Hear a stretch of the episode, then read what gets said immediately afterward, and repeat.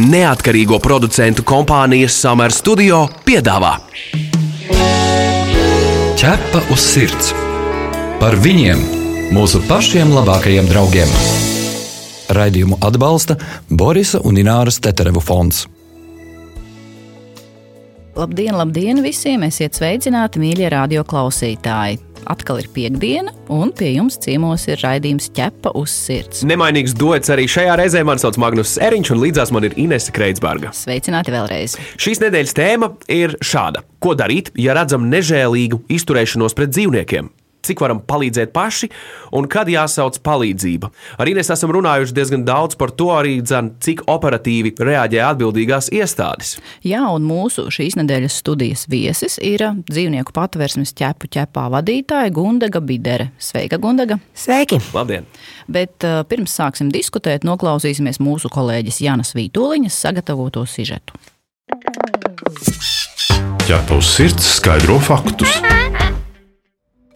Par cietsirdīgu izturēšanos pret dzīvniekiem tiek uzskatīta ne tikai fiziska vardarbība pret dzīvnieku, kas izraisa tā sakropļošanu vai nāvi. Par to uzskatāma arī īpašnieka vai citas personas rīcība, kas var dzīvniekiem izraisīt ciešanas. Pārtikas un veterinārā dienesta pārstāve Mairita Rieksniņa atzīmē raksturīgākās darbības - ilgstoša dzīvnieka atstāšana bez aprūpes, pamešana bezpalīdzīgā stāvoklī, nepietiekams uzturs, medicīniskās palīdzības nenodrošināšana, arī dzīvnieku pakļaušana izskatu pārveidojošām operācijām. Parasti par to visu liecina dzīvnieka ārējais izskats un viņa izturēšanās. Jā, ka, piemēram, dzīvnieks ir vājas eh, miesas būves, apātisks, kad dzīvnieks baidās no svešiem cilvēkiem vai no sava īpašnieka, baidās no trokšņiem, baidās no asām kustībām. Ja kaimiņi vai citas personas novēro pārkāpumus, kas tiek veikti pret dzīvnieku, ir jāsauc pašvaldības policija vai jāziņo pārtikas un veterinārajam dienestam. Pārtikas un veterinārā dienesta pārstāve noliedz mītu, ka iedzīvotāji baidās ziņot par pāri darījumiem dzīvniekiem, jo negrib sanaidoties ar kaimiņiem. Ļoti daudz sūdzības, tas ir gadu no gada. Mēs saņemam un veicam vismaz 800 pārbaudes. Un, diemžēl viena trešdaļa no viņām ir tikai pamatotas. Tā kā šie kaimiņi savā starpā kārto savas kaimiņu attiecības, iesaistot dzīvniekus.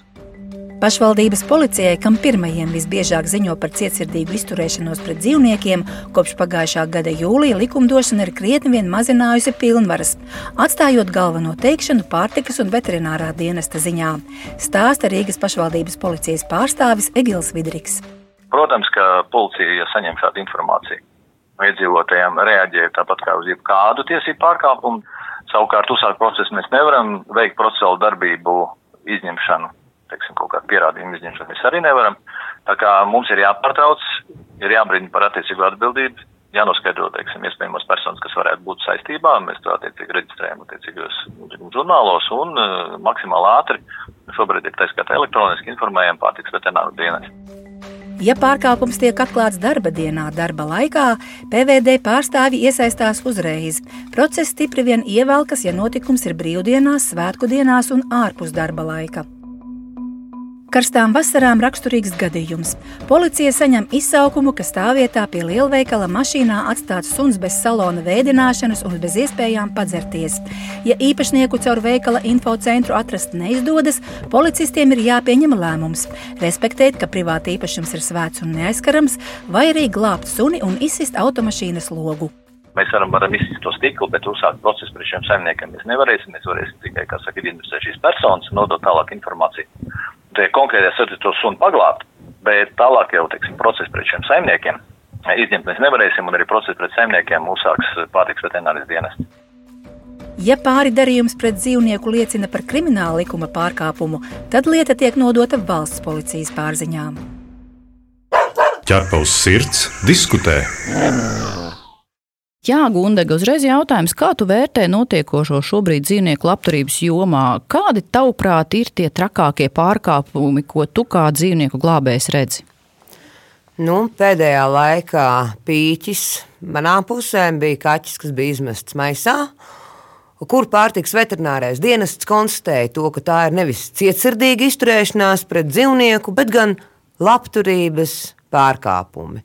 Par šo tēmu mēs arī diskusējām saimnes gaitiņos par to, cik īsti ētiski pareizi ir šāds lēmums. Nu, lēmums, protams, mainīts netiek. Man gribētos teikt, ka mēs šajā jomā esam zīdaiņa autiņos. Gundega, vai tev ir zināms, cik cilvēki vispār ir aktīvi saistībā ar ziņošanu par šādu veidu pārkāpumiem? Vai to dara anonīmi, vai ja kāds mēģina ziņot, vai arī baidās? Man gribētu teikt, ka cilvēki ziņo. Pārsvarā gadījumos viņi ziņo vienu, maksimums divas reizes. Tad, kad viņi saprot, ka mm, rezultāts šai ziņošanai ir praktiski nekāds, kad šis dzīvnieks joprojām atrodas vai nu piesiets ķēdē, ar nepiemērotu mītni, vai nu no saimnieka puses netiek pienācīgi barots. Ja cilvēks neredz savam darbam rezultātu, tātad savai ziņošanai, ja viņš neredz mērķi, viņš arī pārtrauc vienkārši ziņot. Jā, jā mēs darām vienu un to pašu un sagaidām citu rezultātu. Tad... jā, nu, ja nav rezultātu, tad kāpēc mums tērēt savu laiku mm. kādam jā, ziņojot? Jā, bet to? cilvēkiem ļoti svarīgi ir saprast, ka ziņot vajag. Nevis, teiksim, zvanīt un informēt mūsu mēdījus, kas ir labi, protams, bet mēs aicinām vienalga rakstīt oficiālu iesniegumu. Jā.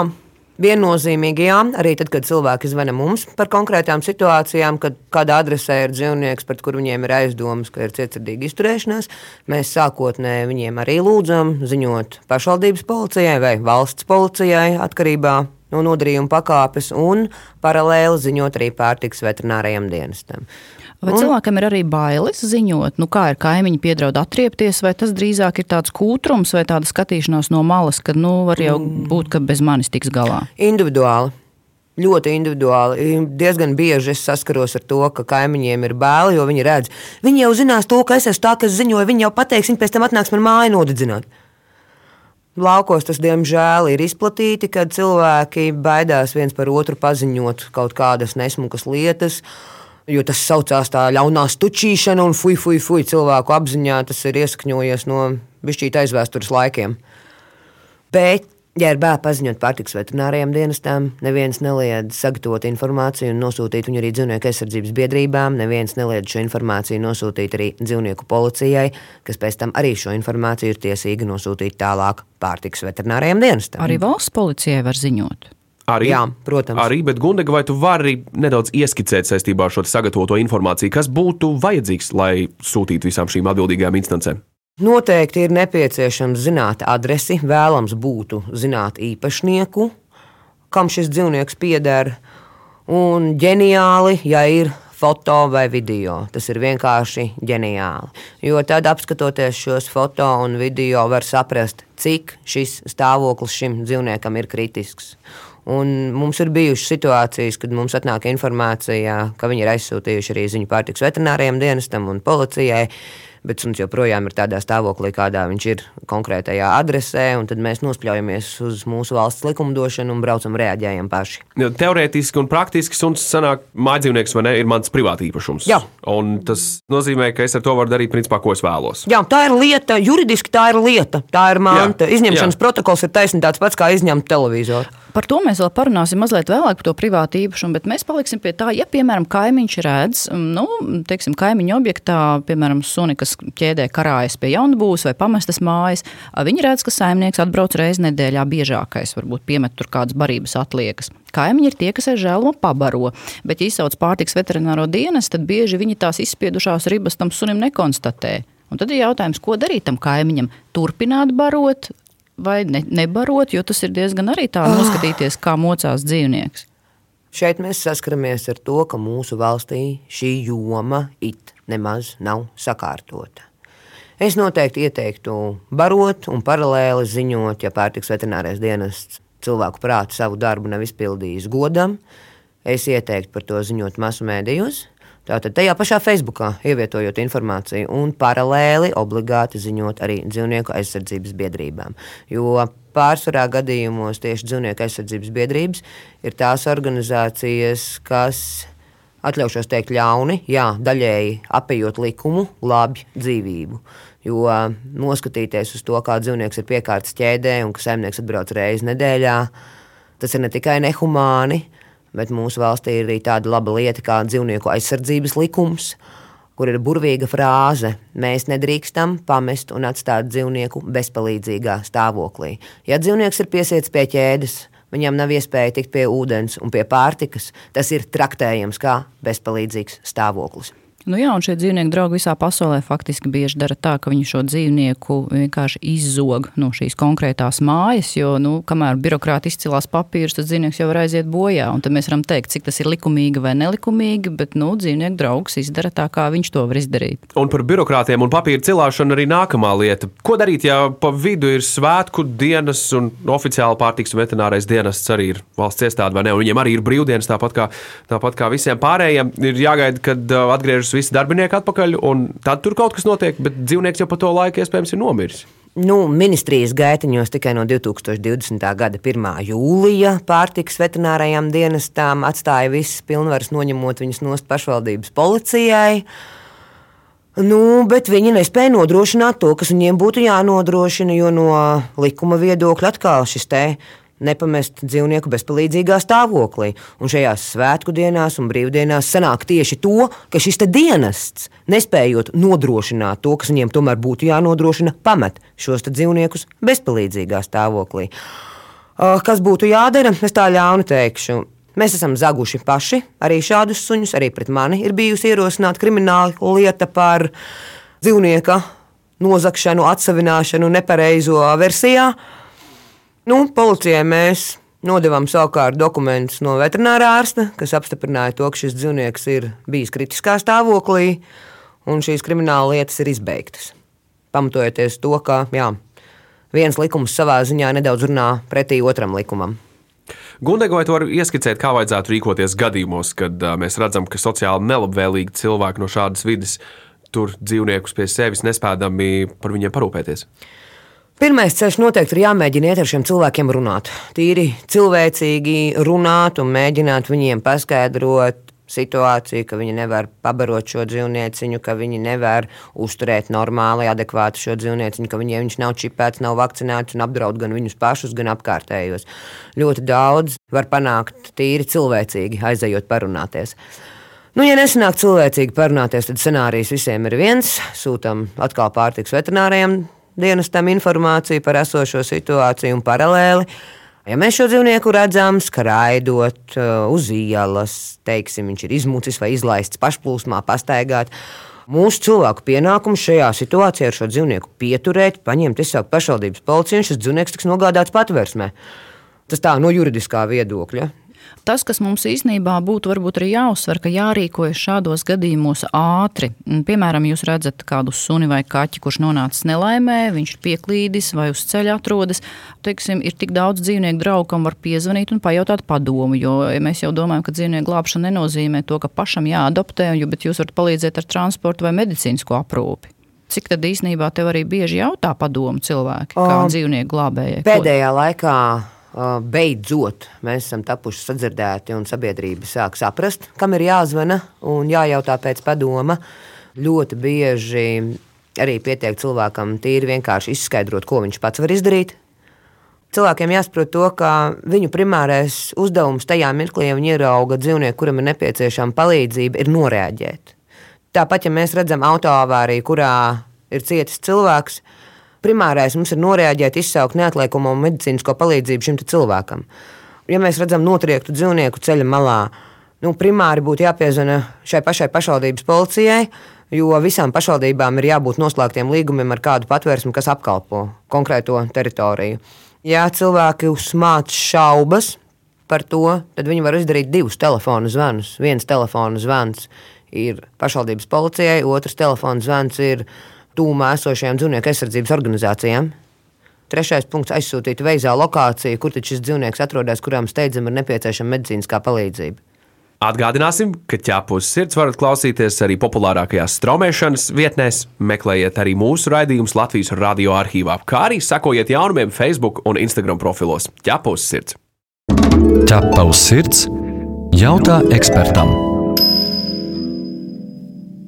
Turpinot mūsu tēmu, Gundega, kā tev liekas, cik pareizi pašiem ir ķert to dzīvnieku un likt auto? Nu, zinām, ka suns tomēr var iekost, kaķis saskrāpēt, un tiem, kas to nezina, kā pareizi darīt, vai tur īsti ir jāgrābstās. Nu, tomēr jāzina, kā gudri rīkoties. Mm. Ļoti atkarīgs no situācijas. Es oponēšu, ja mēs redzam upēs likstošu cilvēku, Cilvēks automātiski otrs piepeldēs viņam klāt, mēģinās atspiesties pret viņu, lai pats spētu ievilkt gaisu, šādā veidā mēģinot noslīcināt savus glābējus. Bet neskatoties uz to, mēs redzam cilvēku, kas slīkst upē, vienalga lecam šajā upē un mēģinam šo cilvēku izglābt.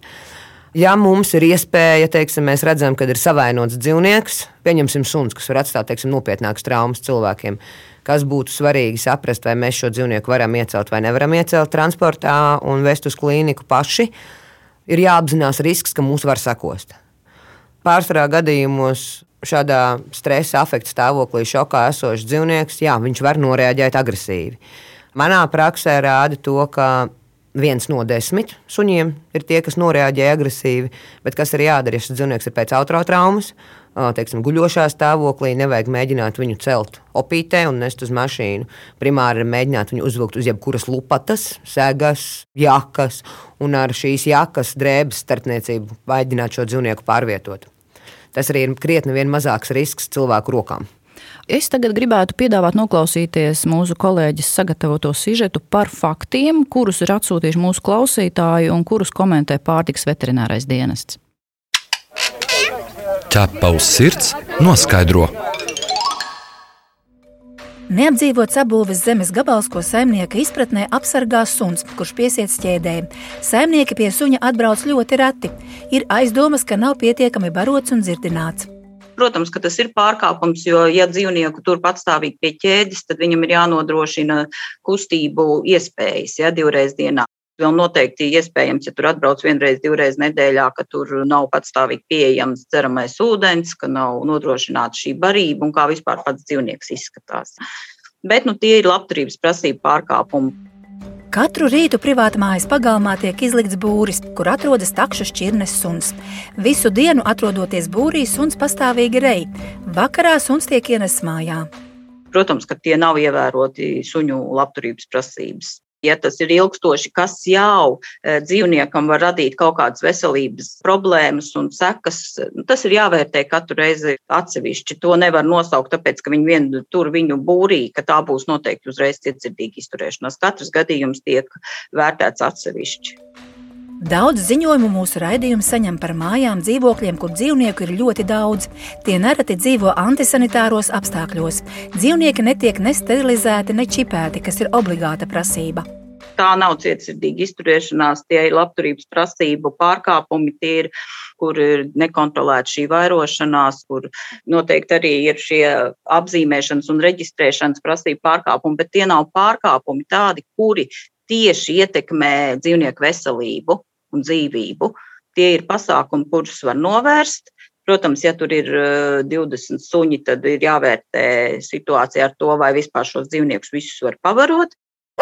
Ķerpa uz sirds, diskutē. Nu jā, mani personīgi diezgan satrieca tas gadījums par to taksīti, kuru tā kā pa dienu būrī izliek un vakarā viņu tā kā paņem atpakaļ. Un repārtiks veterinārais dienas uzskata, ka arī tur nevar vērtēt, vai tā ir cietsirdīga izturēšanās, tikai tāpēc, ka tas dzīvnieks esot būrī. Ko tu, Gunda, par to saki? Mums tieši pagājušajā nedēļā bija patvērsmes sapulce, kur mēs apspriedām dzīvnieku labturību patvērsmēs. Ministra kabineta 407. noteikumos ir minēts, ka dzīvniekam patversmē sunim ir jānodrošina kā minimums 5 kvadrātmetru liels sprosts. Stacionārais būris noteikti nav 5 kvadrātmetrus liels. Un, ja šis dzīvnieks tur atrodas ilgstoši, tas nav ok. It nemaz nav ok, jo dzīvniekam tomēr ir jāspēj nodrošināt kustību brīvība. Ja mēs gribam mājās ņemt sunīti un turēt to dzīvnieku būrītī, nu tad varbūt ir jāapdomāt par kāmīša, žurciņas, jūras cūciņas iegādi. Varbūt šim cilvēkam nemaz nevajag sunīt. Varbūt viņam vajag zivtiņu. Bet tagad tādu mēs parunāsim par ļoti diskutablu jautājumu. Te es domāju, ka viedokļi ļoti dažādi būs. Bieži dzīvnieku glābšana arī izpaužas pasargājot suni vai kaķi no viņa saimnieka. Nu, piemēram, pie jums pieklīdis kāds suns vai kaķis, bet tas īstenībā nenozīmē, ka automātiski jums tas jādod atpakaļ īpašniekam, kad viņš ir pieteicies. Varbūt jums ir aizdoms, ka viņš ne īsti labi izturās pret šo dzīvnieku. Meklējiet, varbūt likumisku pamatu šo dzīvnieku neatdot. It sevišķi, ja cilvēks nevar uzrādīt ne čipa numuru, ne dzīvnieka pasi, kas īstenībā ir vienīgais veids, kā var parādīt, ka dzīvnieks ir viņa īpašums. Un te ir arī Magnusam interesanta pieredze. Jā, man ir patiesībā diezgan pamatīga pieredze ar šo. Es kādā pirmdienas vakarā, 2019. gada oktobrī, izgāju iznest miskasti, un pie manis pienāk kaķis. Tāds ma mazs kaķis ar kakla siksniņu, kurš ir tajā brīdī Rīgas centrā ārā pagalmā. Kas jau tajā mirklī šķita diezgan interesanta uh, parādība. Es uh, kaķi paņēmu pie sevis, sāku par to rūpēties, ieliku Facebookā informāciju par to, tika izlīmētas lapiņas pa visu rajonu. Pēc nedēļas zvana kāds, kurš atsaucas kā šī kaķa īpašnieks. Es noskaidroju, ka jā, tik tiešām cilvēks zina visas šīs iezīmes un vispārējo, bet uz, uz tādiem jautājumiem, kā kaķītis sauc, ar ko tu viņu baro, cik gadu kaķim, kā tu pie tā kaķa tiki, vai tas ir vispār tavs pirmais mājdzīvnieks, vai tev ir bijusi pieredze pirms tam, uz šiem jautājumiem cilvēks nespēja korekti atbildēt. Un jāatzīst, ka pieredze ierunājot raidījumu ķepa uz sirds šajā reizē diezgan pamatīgi nospēlēja man par labu, lai pieņemtu lēmumu, ka es neusticos šim cilvēkam un viņa spējām parūpēties par šo dzīvnieku. Tāpēc kaķis paturēja sev.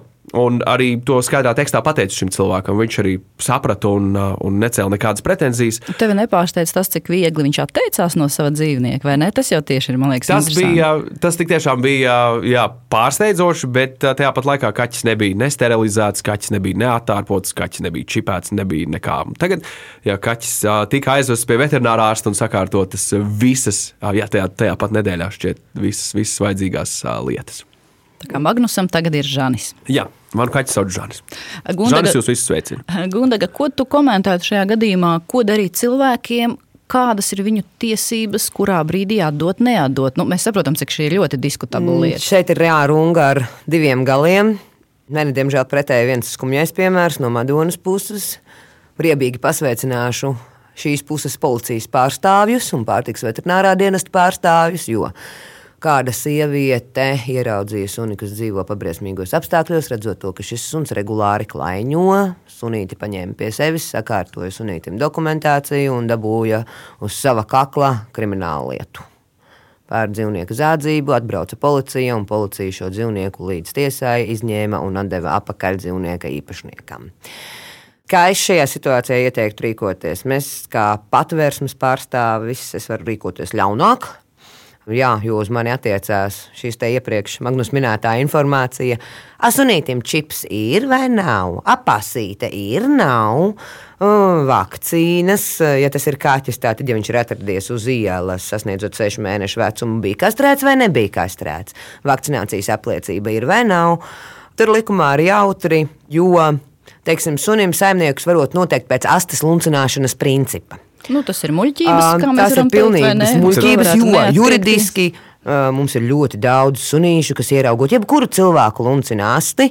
Mums arī ar šo ir bijusi darīšana. Es arī esmu no tiem riebīgajiem cilvēkiem, kas jau uzskata, ka dzīvnieks netiks turēts piemērotos apstākļos, atsakās šo te dzīvnieku atdot. Bet principā sanāk, ka vienīgais veids, kā saimnieks var pierādīt, ka tas suns vai kaķis ir viņa, ja uzrādot dzīvnieku pasi vai pierādot, ka čips viņam ir. Jā. Mēs šobrīd nerunājam par to, ka nebūtu jādod atpakaļ saimniekam, kuram ir izbēdzis dzīvnieks. Visādi var gadīties, pasarg Dievs, mēs par to vispār nerunājam. Mēs šobrīd runājam tikai par to, ja rodas aizdomas, ka šis saimnieks nemazam par šo dzīvnieku rūpēties nevēlas. Jā, jo ar tām rūpēm par dzīvnieku Ir jāskatās, ir ļoti individuāli jāizvērtē. Ja saimnieks savu suni ir vakcinējis, čipējis, reģistrējis Latvijas datu centrā, juridiski šis dzīvnieks skaitās viņa īpašums.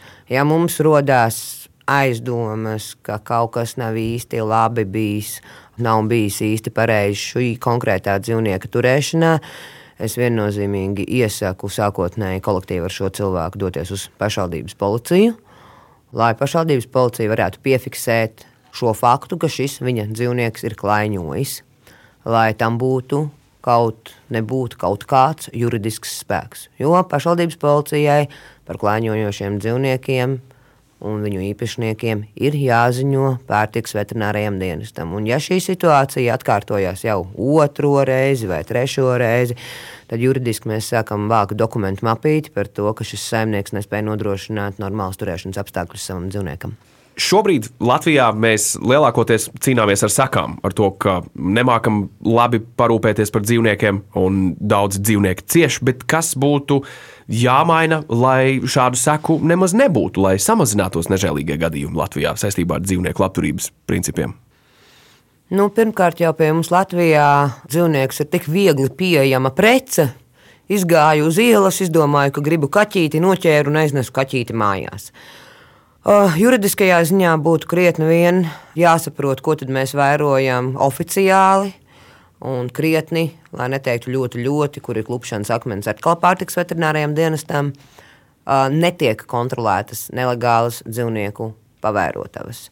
Facebook regulāri ir pārpildīts ar radosim kucēnus, kaķēnus labās rokās. Uh, No juridiskā viedokļa šobrīd jau jebkuram cilvēkam, kas ir izdomājis, ka viņš vēlas pārot savu mājdzīvnieku, ir jānoklausās labturības kursi. Nav vienota reģistra, mēs nevaram vienotā reģistrā neviens pārbaudīt, vai šis cilvēks ir tiešām nokārtojis un noklausījies šos labturības kursus vai nav. Tā ir baigā ČP situāciju, jo pārtiks veterinārais dienas pamato, ka mums trūkst kapacitātes, mēs nevaram paspēt izdarīt to un šito un šito un to. Bet tajā mirklī, kad uh, tautsaniecības komisijas sēdēs, mēs vairākas organizācijas sakām, ok, nav jautājumu, dodiet iespēju darboties dzīvnieku aizsardzības inspektoriem sadarbībā ar praktizējošu certificētu vetārstu un sadarbībā ar pašvaldības policijas pārstāvjiem. Bet tajā mirklī pārtiks veterinārais dienas uzreiz paziņo, šausmas mēs esam mācījušies sešus gadus, un jūs taču neko no tā nesaprotiet. Jā, mēs, protams, no tā neko nesaprotam, bet mēs redzam arī, ka jūs nespējat izdarīt to, kas jums būtu jāspēj izdarīt. Nu jā, mēs nonākam pie mūsu noslēguma daļas, kur mēs tomēr parunāsim par to dzīvnieku, kas šobrīd ir pēc likuma, ir privāti īpašums cilvēki. Jā, dzīvniekam ir tieši tāds pats status kā jūsu auto vai telefonam. Grūti noticēt patiesībā. Jā, un tas ir tas absurds, ka īstenībā šo statusu attīstītākās valsts, piemēram, Šveice, ir mainījusi teiksim, no tā, ka viņiem dzīvnieks no mantas statusa ir kļuvis par dzīves būtnes statusu. Un tajā gadījumā, ja pret dzīvnieku ir nežēlīgs nodarījums, tad arī viņš tiek bargāk sodīts šis cilvēks cilvēks. Vai tas nav, nav absurds, ka dzīvnieku glābēji nevar palīdzēt ne tikai pašvaldība, bet arī PVD nevar iekļūt šajā īpašumā, kur ir aizdoms par to, ka tur notiek kaut kas nežēlīgi pret šo suni vai kaķi? Tas ir absurds. Tas ir maigi izskoties absurds, jo ļoti bieži ir tā, ka mēs zinām, bet mēs nevaram savākt pierādījumus, lai pierādītu kad uh, kaimiņš savā sētā regulāri sit spīdzina suni. Mēs varam mēģināt taisīt video, bet šie video, ja mēs gribam, lai viņi būtu derīgi tiesā, ir jābūt taisītiem ar speciālu agregātu un reģistrētu, certificētu kameru. Tas ir baigs absurds, jo ļoti bieži arī pārtiks veterinārais dienas, diemžēl, aizbraucot uz notikumu vietu un konstatējot pārkāpumus, uh, nepievērš uzmanību sīkumiem, kā dzīvnieku uzvedība. Viņi apskatās, ah, vakcīna ir, ah, čips ir, ah, pedigrija vai dārlinga maisis arī ir. Jūs tieši gribētu uzsvērt, lai cilvēki arī varētu sadzirdēt, ka tiešām ne pašvaldības policijai, ne pārtiks veterināram dienestam nav tiesības iekļūt pie dzīvnieka cilvēku privātā īpašumā, ja tam nav, piemēram, prokurora sankcijas. Un mēs dabūjām datus īstenībā pagājušā gadā tādi bijuši tikai divi gadījumi, kad ir pieprasīta šī prokurora atļauja. Un tad sanāk, cilvēks var darīt ar savu dzīvnieku šobrīd mājās patiesībā, ko viņš vēlas. Jā, diemžēl. Jā. Šķiet, ka ir īstais mirklis uh, salikt punktiņus uz zīmju un pārsvītrot visus te, respektīvi, ar ko mums katram kā individam, kur mums vajadzētu saņemties saistībā ar dzīvnieku labturības principiem un, un visu pārējo, kas saistīts ar šo tēmu. Kā jums šķiet? Sākotnēji viennozīmīgi, jebkuram no mums ir jāsaprot, ka gan tu, gan es, mēs, mēs varam palīdzēt. Mēs varam nolikt šim dzīvniekam barības trauku, mēs varam nolikt šim dzīvniekam ūdens brodiņu. Mēs varam veikt šos divus, trīs telefonu zvanus pārtiks veterinārajam dienestam, pašvaldības policijai un dzīvnieku aizsardzības organizācijām. Un varat arī ziņot mums, raidījumam ķepa uz sirds. Visur kopā ķepa uz sirds. Šajā raidījumā tas ir arī viss. Paldies mūsu viesņai Gundagai Biderei par to, ka atnāci šodien. Paldies! Paldies, Gunār! Savukārt, nākamajā raidījumā mēs skaidrosim, kādas ir saimnieku tiesības pie veterinārā ārsta. Vai jūs vienmēr zināt, kādus tieši medikamentus ārsts ir iedevis jūsu mīlulim? Ko cilvēki nepajautā savam vetārstam, un vai tam būtu jāuzticas par 100%, jeb tomēr šaubu gadījumā jāuzklausa cits viedoklis. Par to diskutēsim pēc nedēļas. Rakstiet arī mums par savu pieredzi. Info at ķepaus sirds LV. Mani sauc Magnus Eriņš. Mani sauc Inese Kreitsberga. Raidījumu veidoja neatkarīgo producentu kompānija Summer Studio. Visu labu! Atā! Ķepa uz sirds! Informatīvi izglītojoši raidījums par dzīvnieku pasauli un cilvēkiem tajā. Raidījumu atbalsta Borisa un Ināras Teterevu fonds.